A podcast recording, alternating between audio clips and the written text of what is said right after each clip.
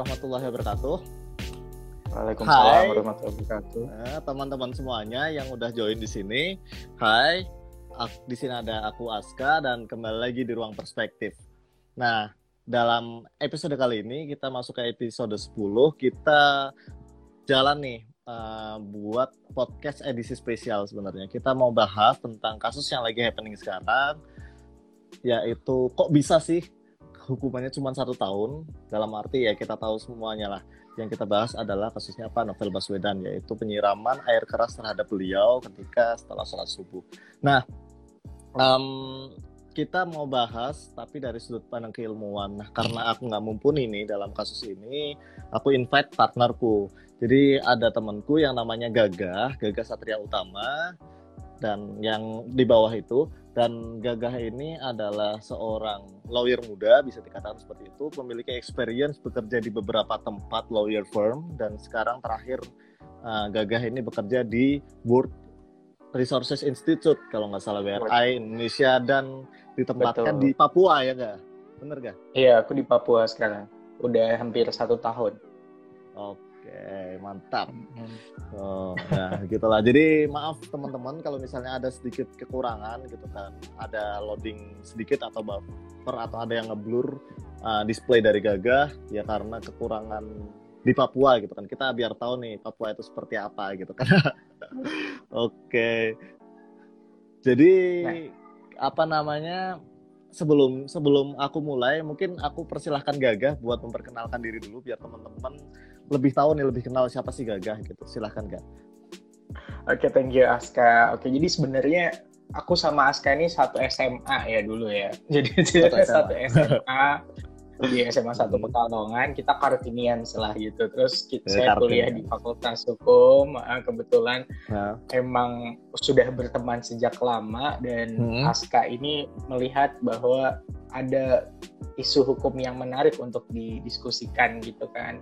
Dan kebetulan Ya. terima kasih Aska sudah mengundang saya hari ini atau malam ini untuk berdiskusi terkait dengan eh, apa namanya kasus novel Baswedan ini ya. Karena memang Hmm, ini ya. menimbulkan banyak pertanyaan di masyarakat Ya. atau banyak orang kenapa sih kok bisa hukumannya itu satu tahun atau sebenarnya bagaimana sih proses kok bisa jaksa itu ngeluarin satu tahun itu sebenarnya gimana sih gitu kan intinya gitu. hmm, Jadi ya. hari ini sih gue pengen pengen ngomongin ke Aska dan teman-teman semuanya eh, gimana sih alur prosesnya dan bagaimana sih hukum itu bekerja secara secara menyeluruh gitu sih. Jadi kebetulan gue udah ber- eh, gue punya pengalaman experience tiga tahun di eh, law firm pengacara corporate maupun persidangan dan yang Hmm. saat dan sekarang gue lagi bekerja di Papua untuk asistensi government ataupun pemerintah terkait dengan beberapa case di sini Hmm. gitu. Jadi Nah. memang memang backgroundnya seperti itu. Cuman gue juga ngikutin Hmm. banyak perkembangan. Jadi gue pengen bantu untuk sharing aja sih terkait Ya. dengan hal-hal ini. Mm-mm. Ya, ha- ya harapannya kan dari sharing yang kita bahas kali ini kita bisa menjawab segala pertanyaan, kita bisa mengedukasi teman-teman semuanya yang ada di luar sana, terutama yang awam masalah hukum nih, kayak kayak kayak saya gitu, kayak teman-teman gitu kan. Nah nanti kalau ada teman-teman yang pengen tanya gitu kan, kenapa apa ada pertanyaan tentang kasus ini gitu kan, bisa ditanyakan di kolom komentar atau fitur komen, ah, fitur question ada di bawah gitu. Nanti ditanyakan aja di situ. Nah, pertanyaan pertama nih guys, uh, buat memulai diskusi ini, kok bisa sih? Oke. Kok cuma satu tahun sih? Itu pertanyaan semua orang kayaknya. Gak bisa satu kan. Ya, backgroundnya dulu. Back- Jadi ini Ya, kenapa ya. satu tahun itu satu tahun apa nih? Mungkin bisa Oh, Mas iya. Aska cerita tentang novel Baswedan itu siapa, gimana gitu. Oh. Jadi biar lebih ini ya. Iya kan? So, oke deh, oke deh. Um, flashback apa dulu. Mm, Kita kita coba flashing back dulu lah. Um, kita Mm-mm. semua tahu Novel Baswedan adalah seorang penyidik KPK gitu kan, yang menangani kasus-kasus besar gitu kan di Indonesia, kasus korupsi tentunya dan kemarin sempat mendapatkan musibah tahun tiga tahun lalu kan, mendapatkan musibah Hmm. berupa disiram menggunakan air keras oleh seseorang gitu kan yang meng- yang mengendarai motor Nah, diseram air keras sepulang dari masjid saat sholat subuh nah terus em, set- set- selang tiga tahun itu ternyata banyak perkembangan yang terjadi gitu kan uh, Pak Novel Baswedan sempat dirawat di Singapura, terus dibentuklah satgas untuk menangani hal itu. Satgas pertama uh, bentukan pertama kali itu nggak selesai, nggak tuntas, akhirnya dilanjut lagi dan segala macamnya sampai akhirnya ditemukanlah seorang yang uh, dinyatakan tersangka dan sekarang terdakwa dan mendapatkan vonis hukuman setahun gitu kan. Nah, mungkin uh, Gagah bisa menjelaskan dulu nih uh, yang dimaksud setahun ini gimana sih gitu yang yang hmm. yang uh, yang yang didapatkan hukuman yang didapatkan oleh si pelaku itu seperti apa gitu oke jadi uh, mungkin uh, sebelum kita masuk ke yang satu tahun ya Aska maksudku hmm, yeah. lebih baik kita uh, apa namanya uh, ketahui dulu sih sebenarnya background hmm. background awal proses daripada alur alur alur yeah, kan juga kondisi bagaimana sebenarnya satu tahun ini itu kan masih berupa tuntutan kak jadi hmm, yeah, bukan yeah. belum hukuman yeah. gitu jadi yeah, uh, jadi hmm. jadi memang memang apa ya maksudnya itu kenapa kok jaksa, jaksa hanya nuntut satu tahun nah itulah yeah. yang harus uh. menjadi uh, apa pikiran kita harus yang kita pahami nah. bersama gitu kan hmm, yeah. nah mungkin aku jelasin dulu terkait dengan alur proses berperkara dulu ya. Jadi kan ketika yeah. memang seseorang itu melakukan tindak pidana, maka hmm. yang akan melakukan akan dilakukan dua hal antara penyelidikan maupun penyidikan. Hmm. Penyelidikan yeah. dan penyidikan ini dilakukan oleh instansi kepolisian. Oke. Okay? Hmm. Nah, instansi kepolisian dengan kewenangannya berdasarkan undang-undang kepolisian, dia akan melakukan uh, mengumpulkan alat bukti, mencari tersangka dan lain sebagainya. Akhirnya ketemu gitu loh. Hmm. Nah, akhirnya sekarang ketemu ada dua di mana hmm. itu ternyata anggota polisi sendiri. Jadi orang yang hmm. harusnya melakukan penyelidikan dan penyidikan ternyata dia satu orang atau kak dengan yeah. dengan dengan orangnya itu kan. Nah, ketika berkas penyelidikan dan penyidikan ini sudah selesai dengan sudah ada tersangkanya, berkasnya dilempar ke jaksa jaksa hmm. maka akan menu jaksa akan memberikan apa namanya masukan ataupun melihat berkas itu dari berkas itu maka akan dinilai berapa hmm. atau penggunaan pasal-pasal yang akan dikenakan terhadap uh, pelaku gitu loh pelaku melakukan tindakan apa dan lain sebagainya nah hmm. jadi di sini ada dua ya ada dua instansi hmm. polisi dan satu lagi hmm. adalah jaksa bisa saja yeah. polisi yang bisa aja polisi yang bermain atau jaksa yang bermain dalam konteks polisi misalnya uh, apakah proses penyidikan atau penyelidikannya itu misalnya ketika dia nyari barang bukti barang bukti atau pelaporannya itu dibuat apa ya tidak lengkap atau ada yang sengaja disembunyikan. Jadi ketika sampai ke jaksa jaksa melihatnya itu jadi ringan gitu loh. Paham kan hmm. maksud? Yeah. sampai sini nyampe nggak? Nyampe kan? Nyampe, kalau teman-teman di sini bingung di bawah nanti bisa tanya juga ya terkait dengan misalnya maksudnya gimana gitu. Jadi uh, kalau seumpama misalnya jaksa dia hanya menilai berkas-berkas berkas-berkasnya tadi kira-kira digunakan pasal apa untuk mengenakan gitu sebenarnya jaksa itu sudah tepat menggunakan pasalnya oke okay? yeah. jadi yang perlu digarisbawahi Pasal yang digunakan itu adalah pasal 353, 355 dan 351 kalau nggak salah. Di situ ada hmm. beberapa ayat dan itu pun ancaman hukumannya adalah 12 tahun penjara. Oke ya, diingetin ya, oh, 12 ya. tahun penjara untuk hukuman maksimal. Tapi permasalahannya jaksa ini uh, punya hak untuk menentukan apakah dia ditaruh untuk hukuman maksimal atau enggak atau justru malah minimal gitu. Hmm. Nah, kalau jak kalau jaksa ini biasanya jaksa itu di mana-mana dia akan selalu menuntut maksimal karena demi kepentingan daripada korban. Hmm. Oke. Berbeda dengan pengacara. Kalau pengacara dia minta seminimal mungkin. Nah, ketika jaksa hanya menaruh dia dengan tuntutan satu tahun penjara yang minimal itu, maka dia udah berperan sebagai pengacara. Jadi kayak gitu. Jadi kayak, yeah. kayak apa ya sebenarnya kondisinya itu agak-agak uh, memprihatinkan hmm. kondisi kayak gini. Hmm. Jadi memang yeah. memang uh, apa namanya prosesnya itu panjang, tapi begitu si si si apa namanya si jaksa ini uh, ada satu kenapa kok bisa satu tahun itu masih legal satu tahun itu legal sah secara hukum tapi tidak secara uh, keadilan ya nanti kita akan berbicara hmm. konsep lebih jauh terkait dengan uh, tiga hal konsep keadilan ini sih kak gitu. hmm, jadi ya, ya, ya. jadi aku, aku tadi baru jelasin alurnya dulu jadi alurnya gitu hmm. pertama berkas perkara polisi hmm. terus ada peran satu lagi jaksa Oke okay ya. Jadi ada Hmm, dua ya. plan itu sebelum masuk ke penuntutan, maka jaksa Hmm. akan mengajukan itu di pengadilan, dituntutlah dia satu tahun penjara. Gitu. Hmm. Artinya eh, berkas-berkas penyidikan itu yang didapatkan oleh kepolisian atau satgas yang dibentuk sama presiden itu ya? Betul, yang dibuat oleh kepolisian. Satgas itu Hmm. melaporkan hasil penyelidikannya, terus masuk ke kejaksaan. Mulai dari apa namanya eh, berita acara kegiatan kegi- apa namanya kayak rekaman CCTV kan ada kan atau ada hasil forensik dari dokter dan segala macamnya itu. Itu semua penyidik dan penyelidik dari kepolisian yang yang membuka. Jadi memang uh, apa semua mereka yang mengumpulkan. Jadi Hmm. memang kalau kalau secara penyelidikan sih nggak ada masalah, harusnya semua clear kan. Harusnya Hmm. semua clear. Jadi jadi sebenarnya nggak ada masalah dari pihak kepolisian. Cuman di sini permasalahannya itu adalah jaksa itu tidak menggunakan opsi yang paling kejam gitu loh. Jaksa itu lembek di sini. Dia memberikan opsi yang paling rendah. Opsi Jadi, yang paling rendah. jadi gini, Hmm, ya. jadi jadi jaksa itu harusnya bukan melindungi uh, tersangka atau ber- berbaik dengan tersangka, dia harus bersifat uh, apa namanya maksimal. Banyak kan hukum kalau Aska lihat pasti tuntutan-tuntutannya itu kan besar gitu kan, pasti maksimal atau berharapannya kayak gitu. Tapi ini enggak, jaksa kok malah justru tuntutannya ringan gitu loh. Dari 12 tahun penjara bisa satu tahun penjara gitu.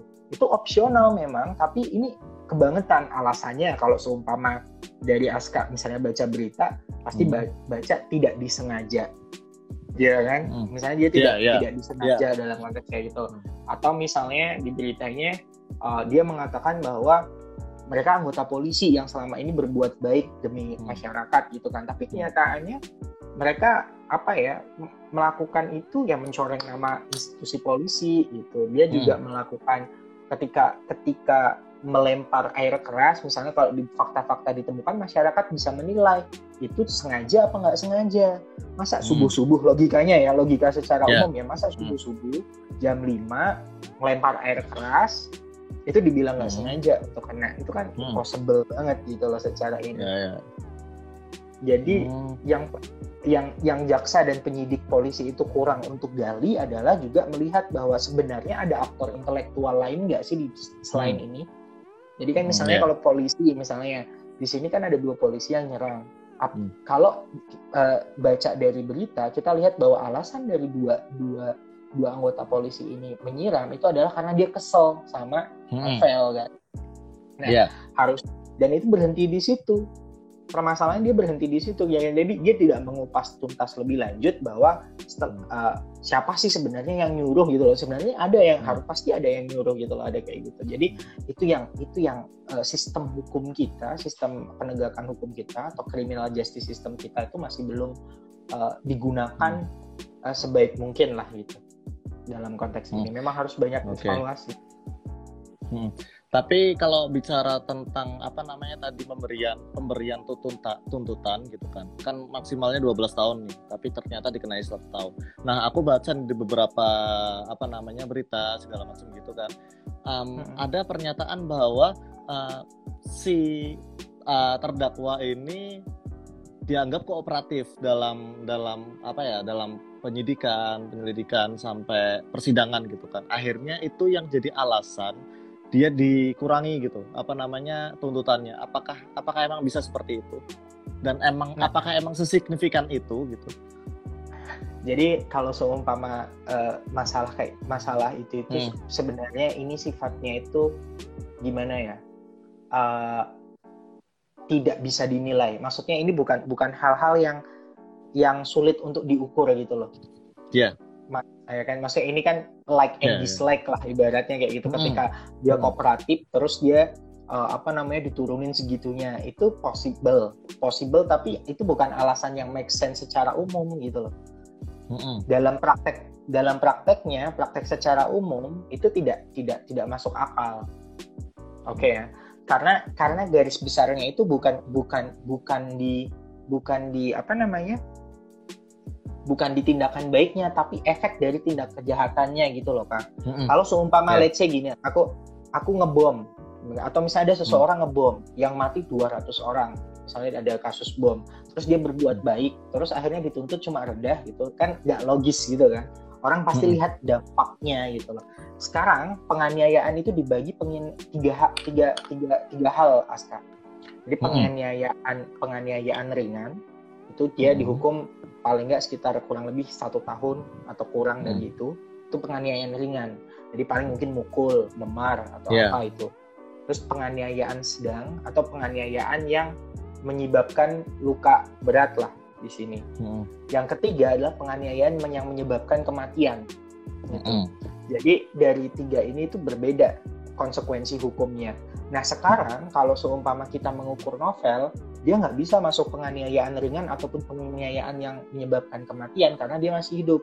Tetapi yeah. ini menyebabkan luka atau kecacatan fisik permanen, permanen gitu loh. Yeah. Jadi dia masuk yang berat dan ancaman hukumnya itu 12 tahun penjara maksimal ya. Maksimal, maksimal. 12 tahun penjara. Nah, dalam konteks ini kalau kita berbicara masalah konsep tujuan hukum Aska, itu ada tiga hmm. yang harus digali.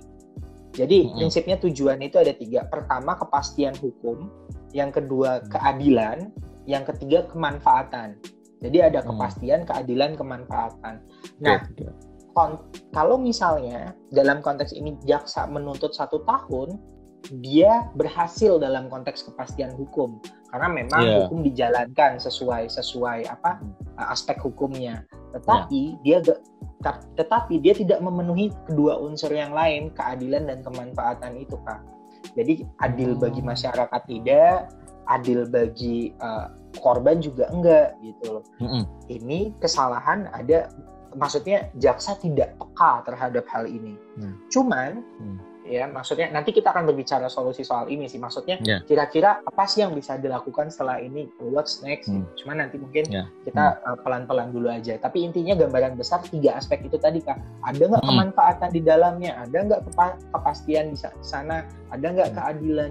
Kalau hanya kepastian saja, ya jelas dua ini nggak terpenuhi tapi nanti tunggu tunggu putusan hakim karena kita masih ada masih ada ada hakim yang hmm. akan menilai gitu loh hmm. cuman cuman memang kalau seumpama dituntutnya satu tahun biasanya hakim akan ikut satu tahun karena logikanya dia harusnya ngasih yang tinggi hakim yang ngurangin gitu loh bukan hakim yang menambahkan gitu loh jumlah hmm. hukumannya gitu kan hmm. Hmm. Tapi artinya berarti selang ini, selang setelah dituntut sampai nanti ditentukan oleh hakim, kita menunggu aja apakah bisa melakukan intervensi tertentu gitu. Uh, jadi gini, kalau seumpama dalam sudah masuk proses peradilan, maka hmm. pengadilan akan yang akan akan yang jalan kan, yang jalan akan pengadilannya. Jadi di pengadilan hmm. itu kan sistemnya kita lihat ada tiga pemeran lah. Pertama adalah hakim, lalu ada hmm. jaksa, yang satu adalah penasihat hukum atau pengacara lah dalam konteks ini yang membela tersangka. Jadi si pengacara ini akan bela tersangka yang lempar air keras, oke okay ya? Iya. Yeah. Si jaksa itu membela korban, hmm. oke, okay, membela korban. Logikanya, logikanya ya, kalau seumpama pengacara atau penasihat penasihat hukum itu membela tersangka, dia pengen tersangka ini uh, mendapatkan hukuman yang seringan-ringannya, oke? Okay? Iya. Yeah. Nah, jaksa itu membela korban. Logikanya dia harusnya meminta tuntutan ataupun hukuman yang seberat-beratnya kan gitu ya yeah, secara logika. Iya, yeah, harusnya. Nah, harusnya. nah, ya kan jadi kan jadi kan ini. Nah, tetapi ternyata justru jaksa ini kayak pengacara, dia yeah, apa namanya minta yang saya ya kalau saya kalau misalnya itu kan jadi kan apa ya maksudnya dia justru ngasih yang yeah. satu tahun gitu loh maksudnya kayak terus itu mau dikurangin apa lagi nah itu dia nah cuman gini jadi ketika nanti hakim hakim itu pada prinsipnya itu tidak boleh ya hakim itu pada prinsipnya tidak boleh memutus lebih daripada apa yang dituntut oleh jaksa oh gitu ini yang menjadi yang menjadi permasalahan itu ini gitu loh hakim itu nggak boleh apa memutus lebih dari yang diminta jaksa. Jadi kalau dia memutus lebih dari apa yang dimintakan oleh jaksa, yang terjadi adalah istilahnya ultra petita. Hmm. Ultra petita atau misalnya misalnya gini, tapi itu masih dalam jangkauan uh, hukumannya. Misalnya hukumannya hmm. itu uh, tadi kan 12 tahun penjara, dia dituntut itu satu tahun. Hakim hmm. itu masih bisa men, bisa memutus sampai 12 tahun penjara. Hmm. Oke, okay? jadi ini ada yeah. satu lagi lemba, lembaga yang dites selain kejaksaan dan kepolisian dalam proses penyidikan dan penuntutan itu adalah proses dalam mengadili gitu loh. Hmm. Hakim masih ada chance untuk melakukan itu, tapi masalahnya tidak ada pandangan yang bahwa hakim itu harus tidak tidak boleh ultra petita, dia harus harus patuh pada tuntutan jaksa. Ya. Oke okay, ya, jadi ada beda hmm, pandangan di situ. Hmm. Tapi prinsipnya prakteknya banyak yang melakukan ultra petita dengan ya. alasan-alasan atau pertimbangan dalam putusannya yeah. itu yang yeah. memang executable dan uh, hmm. dapat dipertanggungjawabkan itu gitu. Hmm, tapi untuk melakukan ultra petita itu apa gak syaratnya gak atau a, a, apa apa saja yang harus dipenuhi gitu? Pasalnya, jadi pasal pasal pasal hukuman ancaman yang dituntut itu masih hmm. bisa uh, masih masuk gitu loh. Jadi misalnya kalau hukumannya tadi kalau novel itu kan 12 tahun penjara secara yeah. logika kita semua lah hmm. masyarakat secara umumnya harusnya 12 tahun penjara hakim hmm. itu nggak boleh mutusnya 20 tahun paham kan maksud gue? Ya. Yeah. Nah, jadi nggak boleh dia melanggar hukum sendiri karena kalau dia ngasih hakim mutus 20 tahun dia yang melanggar hukum nggak ada ketentuan yang ngomong yeah. 20 tahun hmm. maksimalnya 12 tahun gitu itu contoh yeah. KPT tapi ketika dia masih masuk 10 tahun itu masih bisa gitu loh ukurannya ukurannya ini dia masuknya pendapat hakim jadi kebijaksanaan hakim kak hakim hmm. itu kalau seumpama dia seadil-adilnya dengan melihat kondisi yang di situ, dia harusnya memutus lebih berat daripada apa yang dimintakan hmm. oleh jaksa. Hmm. Nah, cuman permasalahannya di sini kita sebagai masyarakat kan, kita harus lihat bahwa ternyata jaksa ini kok bisa begini gitu loh. Hmm, itu yeah. yang melukai yang melukai keadilan di masyarakat kok bisa dia ngasihnya cuma satu tahun kenapa ada apa nah, nah itu yang harus nah. dipertanyakan gitu loh hmm, nah hmm, nah terus ini bicara tentang kan kayak gitu kan berarti bicara tentang bukti ya. Jadi aku baca di beberapa media ada yang ada yang mengatakan bahwa ternyata bukti forensik dari dokter itu nggak nyampe gitu satu katanya kayak gitu gitu kan. Nah uh, wala walaupun secara fisik ini udah kelihatan nih gitu kan, tapi ada yang menganggap itu rekayasa lah dan segala macam gitu kan. Nah apa apakah nih ya misalnya uh, itu ada beberapa bukti kayak gitu nih yang nggak masuk gitu kan yang nggak masuk review katakanlah ya di di di jaksa gitu. Ternyata pas uh. direview sama huk apa sih hakim masuk nih gitu kan. Oh ternyata kok nggak dibahas atau segala macam gitu kan. Apakah hakim itu bisa ngotak ngatik hukumannya lagi? Oke okay, oke okay, ini pertanyaan yang bagus sih. Uh, jadi gini uh, beban dalam konteks melakukan uh, pembuktian itu ada lima bukti sih di dalam kitab undang-undang hukum acara pidana. Jadi uh, hmm. buktinya itu juga termasuk surat, saksi dan lain sebagainya dalam konteks ini kan alat-alat benda ataupun lain sebagainya. Nah, hmm. dalam konteks ini dia dilakukan pengumpulan alat bukti itu pasti yang melakukan itu penyidik ataupun penyidik hmm. dalam penyidik hmm. ataupun penyelidik polisi hmm. dalam konteks ini yang melakukan. Yeah. Jadi kan ketika sebelum masuk ke jaksa dia kumpulkan dulu alat bukti alat bukti yang hmm. ada. Nah kalau seumpama alat bukti alat bukti ini ini masuk ini kan dikumpulkan. Nah ini dijadikan uh, pertimbangan. Jadi ketika dia tidak masuk di proses yang awal dia tidak bisa jadi alat alat bukti baru kecuali hmm. kecuali dia bisa ditambahkan sebelum pembuktian. Permasalahan kita sudah pembuktian gitu loh.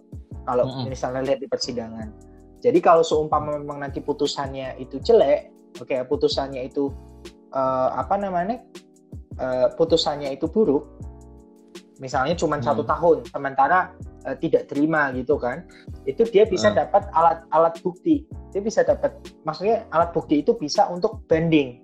Jadi kan itu yeah. masih pengadilan tingkat pertama di hmm. di kota kan, nah nanti dia masuk ke pengadilan uh, pengadilan tinggi kalau pengadilan tinggi masih misalnya ada bukti baru lagi atau apa dia bisa di anu lagi di apa namanya uh, uh, kasasi. Permasalahannya adalah mau nggak untuk melakukan banding itu? Sementara orang ini caksanya aja nggak kayak gitu gitu. Paham nggak sih? Hmm, yeah. jadi ini kan jaksanya yang yang yang berperan itu kan jaksanya. Kecuali kalau harusnya pengacara jaksa, ya. harusnya jaksa berarti ikut memperjuangkan gitu ya Betul, harus jaksa harus untuk memperjuangkan. Karena kan ketika memang kita perwakilan perwakilan korban itu biasanya justru malah jaksa yang nggak yang nggak yang bisa banding yang bisa banding itu biasanya uh, tersangka gitu yang commonnya sih tersangka ya maksudnya si si si hmm. si pengacaranya gitu loh tapi kalau hmm. si si apa namanya si uh, apa namanya kalau jaksa itu bisa tapi nggak common gitu loh dan itu juga hmm. kalau mereka tidak mau gimana gitu loh untuk banding itu yang menjadi hmm. problem hmm. makanya kita tapi, harus push kalau seumpama memang hmm. kayak gitu kita ya harus kawal lah gitu. gimana hmm.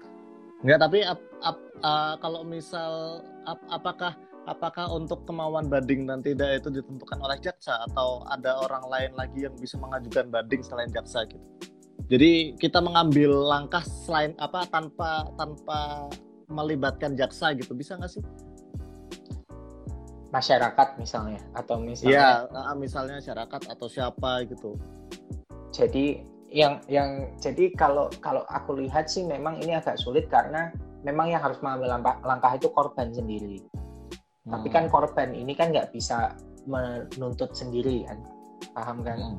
Yeah. Jadi gimana korban itu menuntut ke jaksa, korban itu meminta kepada eksekutif. Jadi nanti aku jelasin mengenai uh, kondisi struktural kejaksaan lah. Jadi kan hmm. kalau kalau dulu waktu mungkin kita sama-sama SMA kan ada pelajaran PPKN Pernah hmm. ingat ada istilahnya trias politika nggak? Uh, ingat tapi nggak ingat. Oke, okay, udah. Jadi di kita itu ada yang namanya trias politika. Jadi kita tuh pakai trias politika. Trias politika itu terdiri dari eksekutif, legislatif, yudikatif. sama yudikatif. Oke, okay, ada okay. tiga ya. Nah, eksekutif itu presiden dengan jajaran kementerian di bawahnya. Oke, okay, sebagai hmm. pembantu presiden. Dia jadi menteri itu uh, kepercayaan presiden termasuk hmm. polisi dan jaksa. Ya. Ya. Polisi dan jaksa itu di bawah eksekutif. Oke. Okay? Ya. Legis legislatif itu anggota dewan dan DPD, DPR, DPD, hmm. MPR itu legislatif. Si dia regulator. Jadi hmm. regulator untuk membuat regulasi-regulasi regulasi itu legislatif. Kalau eksekutif dia yang menjalankan regulasi. Hmm. Oke. Okay?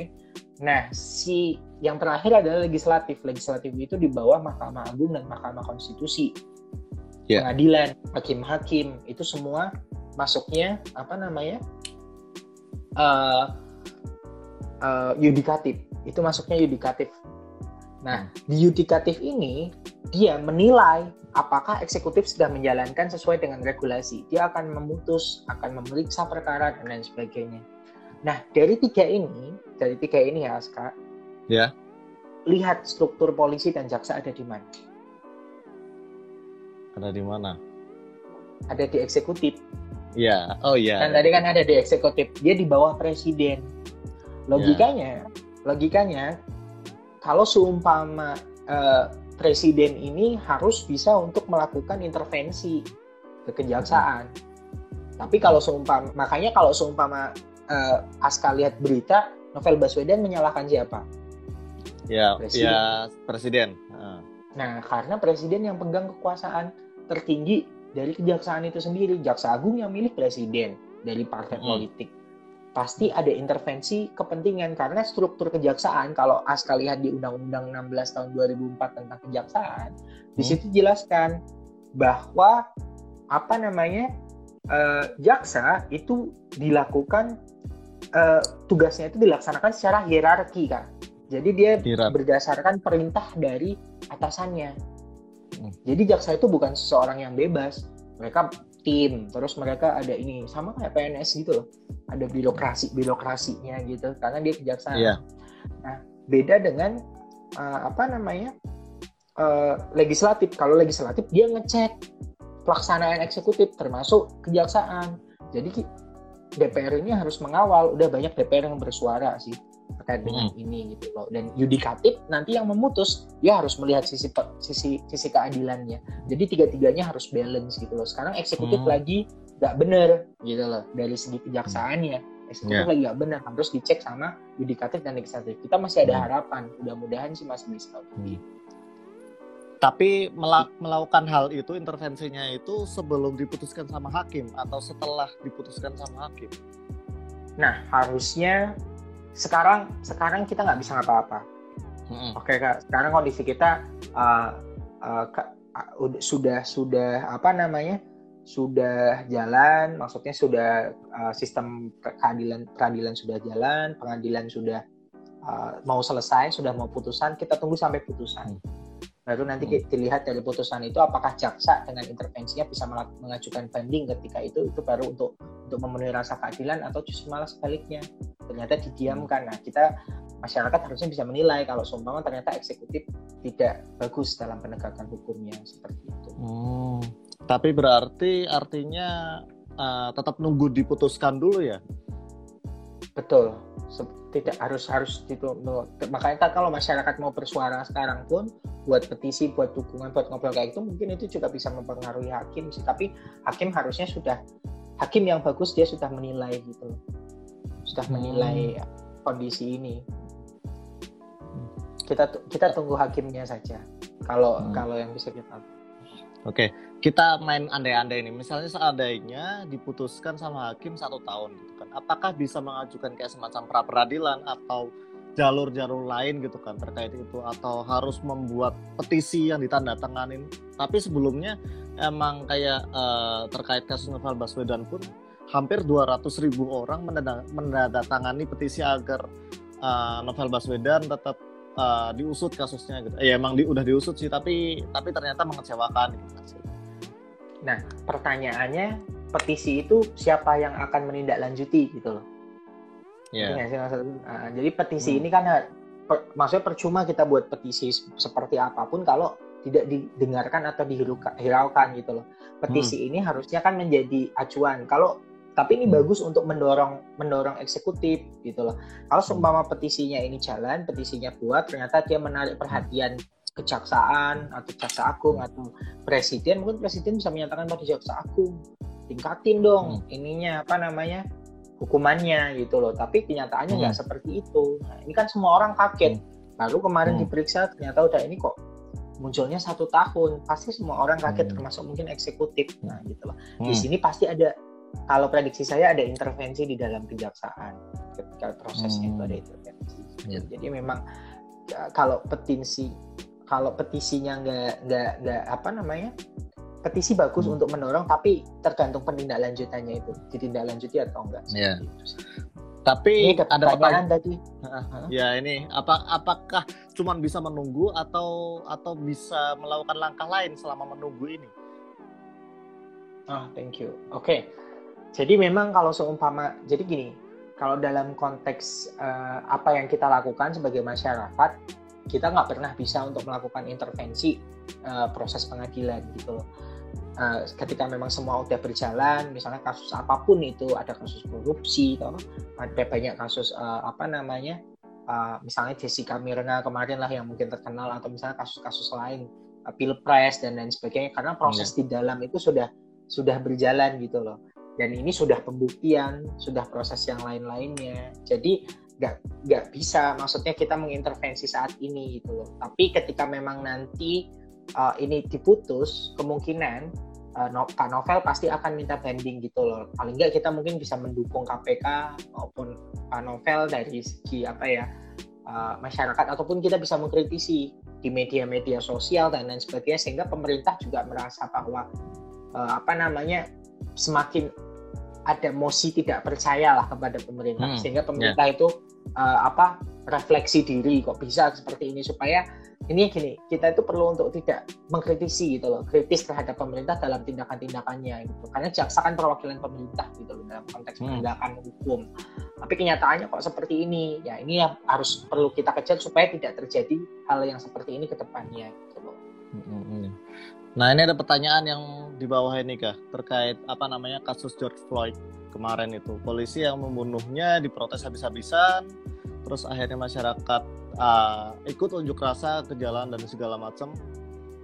Ya ya begitulah apakah bisa uh, ada ada nggak sih kasus-kasus yang di luar sana gitu kan? Berkaca uh, berkaca dari kasus yang lain yang mungkin skemanya itu sama gitu loh di, dijatuhi hukuman yang sangat rendah dan segala macam jadi apa ya? Uh, betul itu jadi kan ini justru malah menarik Mbak Putri. Jadi uh, dia justru kan ditingkatkan kan hukumannya memang ditingkatkan dari dari yang awalnya uh, pembunuhan biasa jadi pembunuhan yang paling berat gitu. Nah, dalam konteks ini memungkinkan justru malah yang yang bagus itu adalah yang seperti itu. Karena dia udah ditingkatkan menjadi uh, first degree murder. Lah kalau kita itu enggak kita itu nggak ditingkatkan sejak awal masalahnya itu bukan bukan bukan apa ya dari dulu kita su sudah mengadvokasi Pak Novel sejak pertama hmm. kali dia disiram air keras gimana masyarakat hmm. memperjuangkan gitu kan hmm. ya kan gimana kita selama ini mengawal kasus Pak Novel Baswedan sejak dia diproses uh, dan lain sebagainya. Cuman permasalahannya ini Pak Novel itu udah selesai gitu loh, udah udah udah di akhir gitu loh, oh, sudah di akhir proses gitu loh. Tinggal tinggal tinggal pembacaan putusan pengadilan.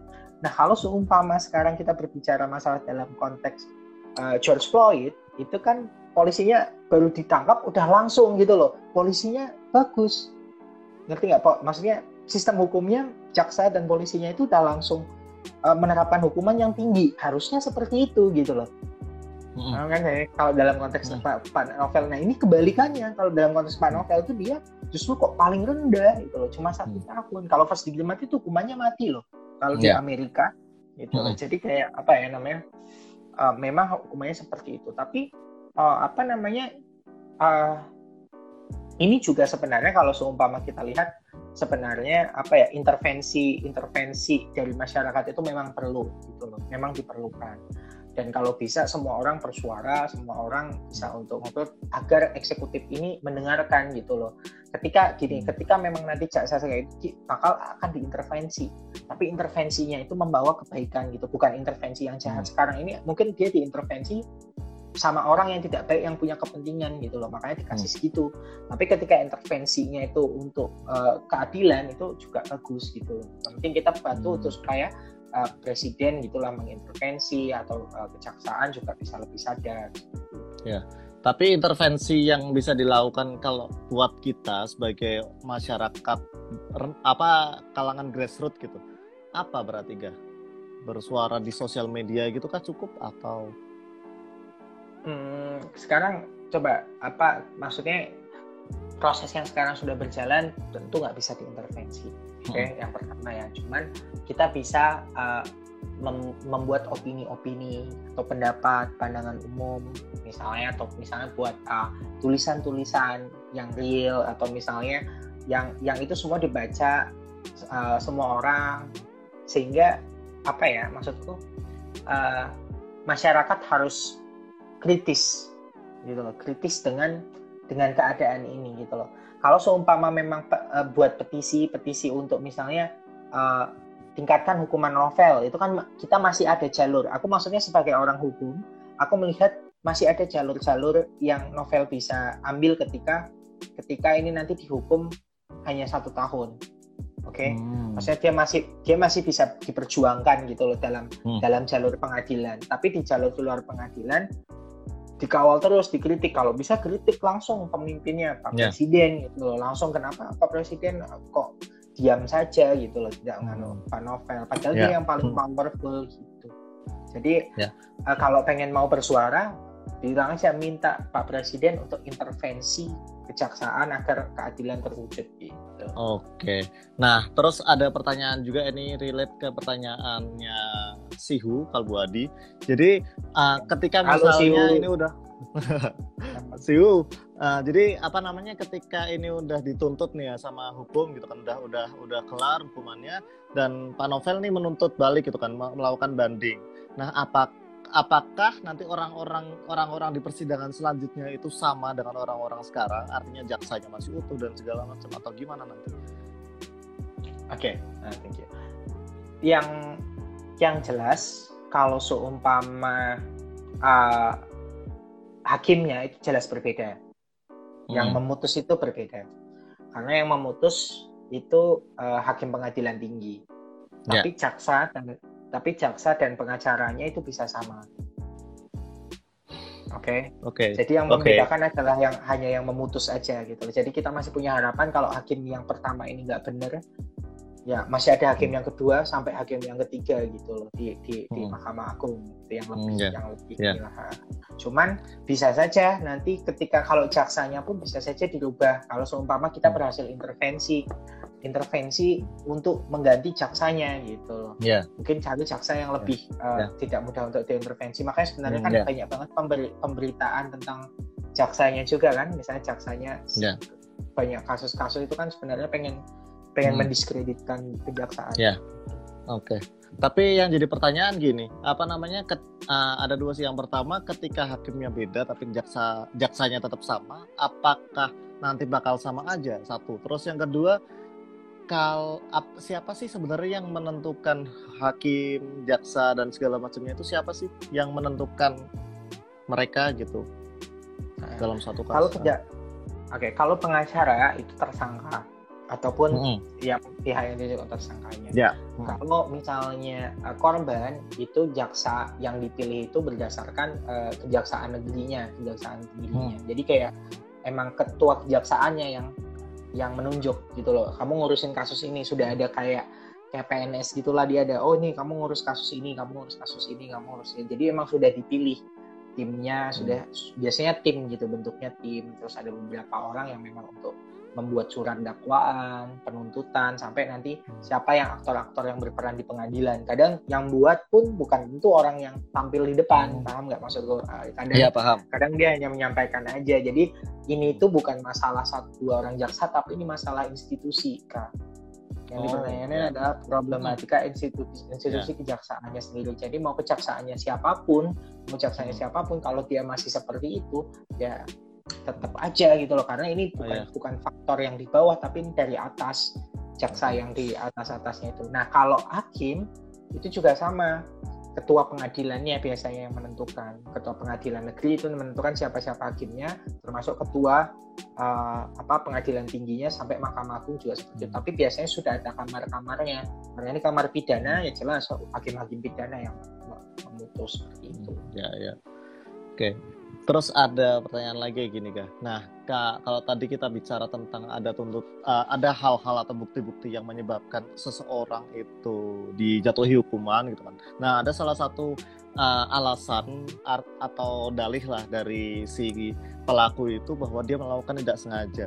Apakah keterangan itu cukup ditelan mentah-mentah gitu aja atau sebenarnya ada nggak sih melakukan kayak uh, penggalian lebih lanjut sebenarnya nggak seng, sengaja itu kenapa gitu kan. Jadi ada datanya gitu loh sampai mengatakan oh iya emang benar tidak sengaja gitu. Oke okay. sorry maksudnya untuk pembuktian disengaja atau ya, tidak disengajanya? ya pembuktiannya itu.